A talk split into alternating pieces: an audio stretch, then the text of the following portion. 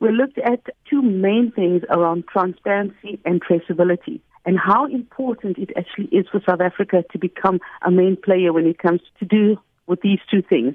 And what these are is basically, you know, has always said, you know, know what's on your on your plate, where it's come from, and how it was caught. And now we have to add a new dimension as to whether it was caught legally.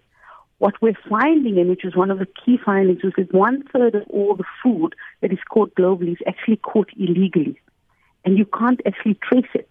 So you don't really know what you got on your plate and how it was fished and how it was found.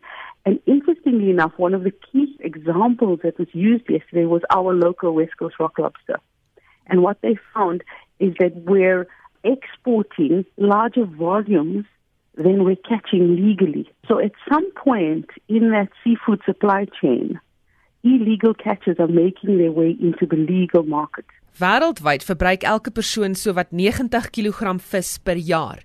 In Suid-Afrika verbruik ons 316 miljoen ton vis per jaar. Pilay sê die onus rus nou op organisasies soos die WWF om vas te stel hoe die onwettige vangste in die wettige mark beland. And it's not something that we've ever looked at with great seriousness until recently in the last year and a half. It is actually becoming top of mind to trace where our seafood comes from. Sy sê 'n voorval in die FSA wat eintlik oor arbeidskwessies gegaan het, het die kollig op onwettige visserybedrywighede laat skyn. And it's actually becoming more of an issue overseas as well. So the US uh, has now got new legislation around traceability and so have some of the Asian countries and, and the EU. And how theirs came about, which is quite interesting to them, is theirs came about because of illegal labor practices and the slave trade you know, so using fishermen as slaves on, on, on ships. And there was huge human rights infringements. And that's how they, the whole idea around facing where your food comes from.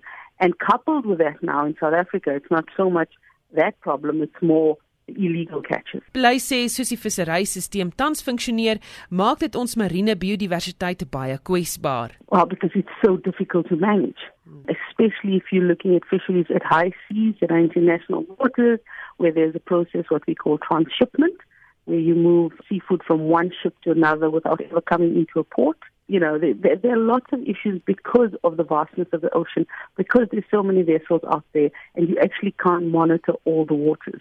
Maar hoe sal die verbruiker dan weet waar die seekos op sy bord vandaan kom? En belangriker nog, hoe kan die verbruiker verseker dat hy nie seekos van die swart mark kry nie?